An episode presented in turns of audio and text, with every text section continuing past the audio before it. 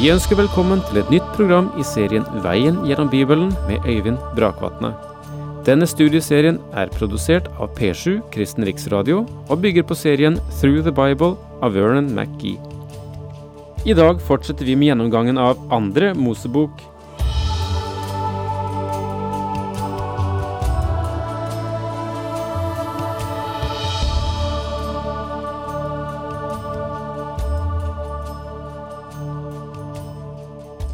For en god del år siden da kom en av eh, barna mine hjem fra skolen og hadde underleppen omtrent ned på knærne.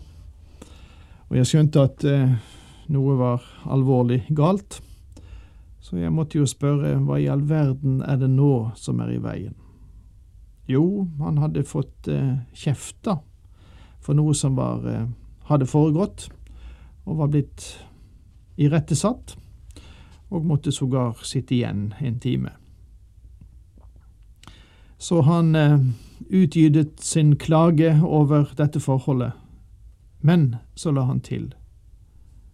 Men, sa han, far, selv om jeg måtte utføre dette og rette på dette som jeg hadde gjort galt, og sitte igjen, så må jeg få si at læreren vår, han er lik mot alle. Og det synes jeg er eh, et godt eh, skussmål for en lærer, og det burde være et godt skussmål for enhver ut av oss, at vi opptrer like, enten mennesker er rike eller fattige. Hvordan forholdene er, så er vi lik mot dem. Det er dette prinsippet som nedfelles i den sosiale lovgivning som vi nå holder på å behandle i Annen Mosebok kapittel 23. Og vi går inn her i det tiende vers.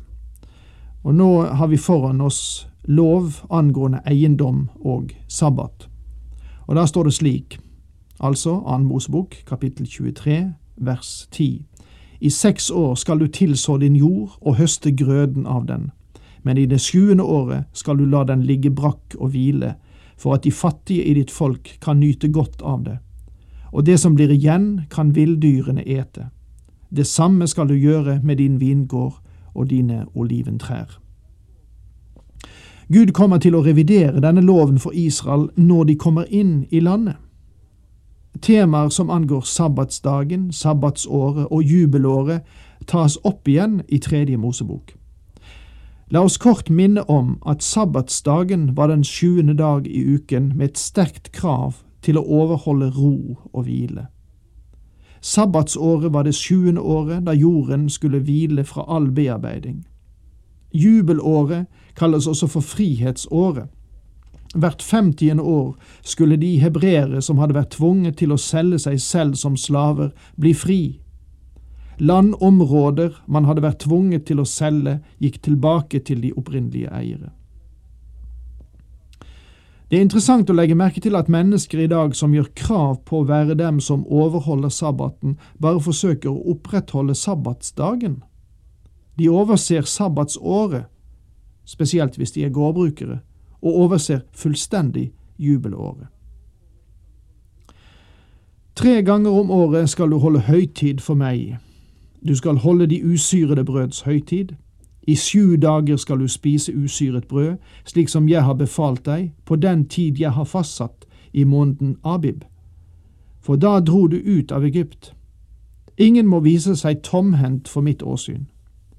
Likeså festen for kornhøsten, når du høster inn førstegrøden av det du sådde på åkeren, og festen for frukthøsten ved slutten av året, når du samler i hus det du har avlet på marken. Tre ganger om året skal alle menn hos deg tre fram for Herren Gud. Tre ganger om året skulle alle menn av hebreer ett tre fram for Herrens åsyn i Jerusalem. Det var tre fester som skulle feires. For det første var det påskefesten, deretter pinsefesten, og så løvhyttefesten. Du husker sikkert at påskefesten ble innstiftet til minne om Israels beskyttelse mot den siste plagen som kom over Egypt, og frigjøringen fra trellelandet. Før de kommer inn i løfteslandet, vil dette bli behandlet i detalj. Se, jeg sender en engel foran deg, han skal vokte deg på veien og føre deg til det sted som jeg har utsett. Gi akt på ham og hør på det han sier. Sett deg ikke opp mot ham. Han vil ikke bære over med de overtredelser som dere gjør, for mitt navn er i ham. Spørsmål om hvem denne engelen er, reises ofte. Andre skrifthenvisninger kaster lys over dette spørsmålet. Første Korintiabrev, kapittel 10, vers 4 sier, Og de drakk den samme åndelige drikk, for de drakk av den åndelige klippe som fulgte dem, klippen var Kristus. Og i første Korintiabrev, kapittel 10, altså det samme kapittelet, versene 9 til 10, fortsetter det slik. La oss heller ikke utfordre Herren slik noen av dem gjorde, de som ble drept av slangene. Og dere må ikke være misfornøyde og klage slik noen av dem gjorde, de som ble drept av den ødeleggende engelen. Legg merke til at det, i den gamle oversettelsen ikke står utfordre Herren, men friste Kristus. Det er den Herre Jesus de skulle adlyde, og det er sikkert ham som står i fokus her. For min engel skal gå foran deg og føre deg til amorittene og hetittene, perisittene og kananeerne, hevittene og jebusittene, og jeg vil utrydde dem. Gud meddelte Israel at han hadde til hensikt å rydde fienden ut av landet på grunn av deres synd, og nå sier Herren til dem, Redsel for meg vil jeg sende foran deg og skape forvirring i alle de folk du kommer til. Jeg vil la alle dine fiender flykte for deg. Gud sier til Israel at han har til hensikt å føre dem til Israels land og gjøre dette til deres land. Og så sier Gud til dem, du skal ikke slutte noen pakt med dem og deres guder. De må ikke bli boende i landet ditt, så de får deg til å synde mot meg. For dyrker du deres guder, blir det til en snare for deg. Israel skulle ikke gjøre noen pakt med innbyggerne i landet eller med deres guder. Josva gjorde den tabben å slutte en pakt med gibeonittene. Han foretok ikke tilstrekkelige undersøkelser. Men selvfølgelig, årsaken til at Israels folk til slutt endte i babylonisk fangenskap, kom av at de drev avgudsdyrkelse og tjente andre guder. Og her er vi da kommet til slutten av kapittel 23 og vi har tid til å gå inn i det 24. kapittel. Her avsluttes eh, da eh, den sosiale lovgivning i eh, denne omgang. Herren kaller Moses opp på fjellet. Israel forplikter seg til å lyde Herren. Guds herlighet åpenbarer seg, og Aron og Hur får ansvaret under Moses fravær. Det er i korte trekk det kapittel 24 inneholder. Altså, som jeg allerede har nevnt, i 2. Mosebok 24 avsluttes den delen som angår den sosiale lovgivning, og som begynte i kapittel 21. Og her ser vi at Mose lov er langt mer enn de korte ti bud som vi regner som loven, særlig i ekstrakt, og at rammene for den sosiale lovgivning er ganske omfattende. Gud sa til Moses, Stig opp til Herren, du og Aron, Nadab og Abihu og 70 av Israels eldste, og bøy dere til jorden og tilbe mens dere ennå er langt borte. Gud ba disse mennene om å komme opp på fjellet, men selv disse menn som sto i en fremskutt posisjon ved den tiden, fikk befaling om å tilbe langt borte hvor forskjellige tingene er under loven i forhold til hva de er under nåden. Hvor annerledes situasjonen var da Gud førte dem langs veiene fra Egypt på nådens ørnevinger. Under loven må mennesket tilbe i et fjernt forhold mellom Gud og menneske.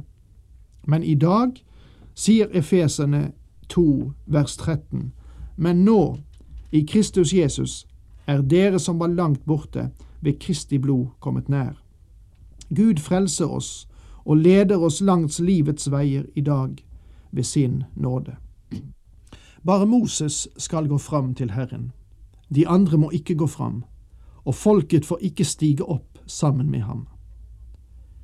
Da Moses kom og bar fram for folket alle Herrens bud og alle rettsreglene, svarte de samstemmig, alle de bud Herren har gitt oss, vil vi holde. Dette er andre gang at Israels barn har gitt et positivt svar når Gud spurte dem om de ønsket Hans bud og lov. De er svært selvbevisste, egenmektige og nesten arrogante når de sier til Gud, ja, vi ønsker din lov. De lover å følge alle bud fra Herren selv, om de ennå ikke har fått presentert dem alle. De har fått de ti bud, og de tror at de kan holde dem. Man undrer seg på hvordan Israel kunne bli så forblindet, men det undrer meg enda mer hvor mange mennesker det er som fremdeles tror at de følger loven. De som tror at de møter Guds standard, de lurer seg selv, og det er en forferdelig ting, egentlig. I 1. Johannes brev, kapittel 1, vers 8, peker eh, denne apostelen på at sier vi at vi ikke har synd, da bedrar vi oss selv, og sannheten er ikke i oss. Du ville ikke da lure dine naboer, du ville ikke lure din hustru eller din ektemann eller dine kjære, men du ville sannelig lure deg selv grundig.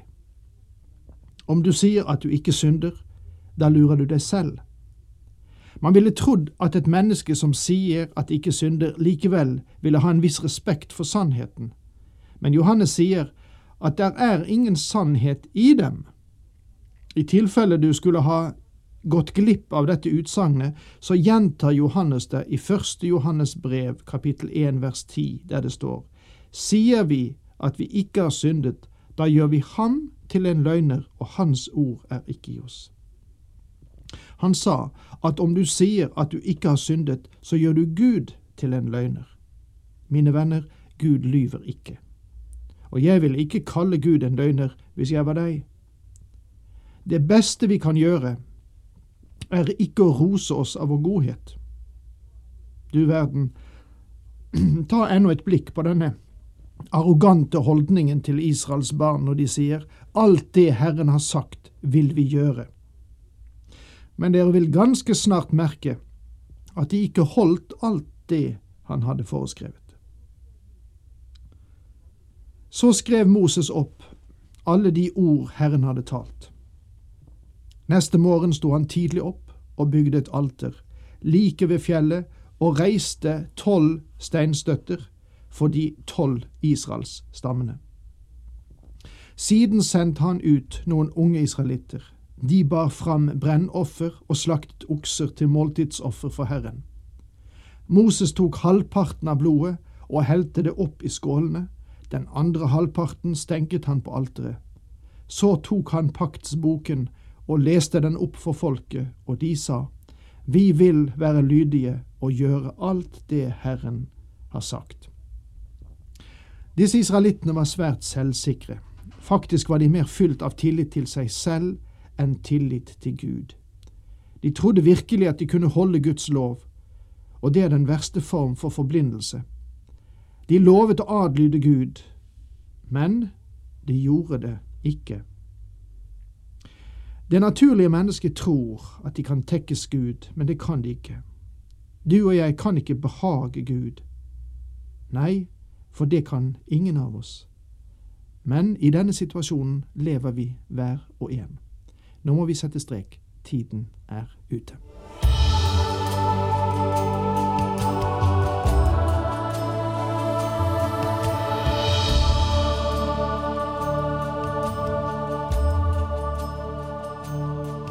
Du hørte Øyvind Brakvatne i studieserien Veien gjennom Bibelen.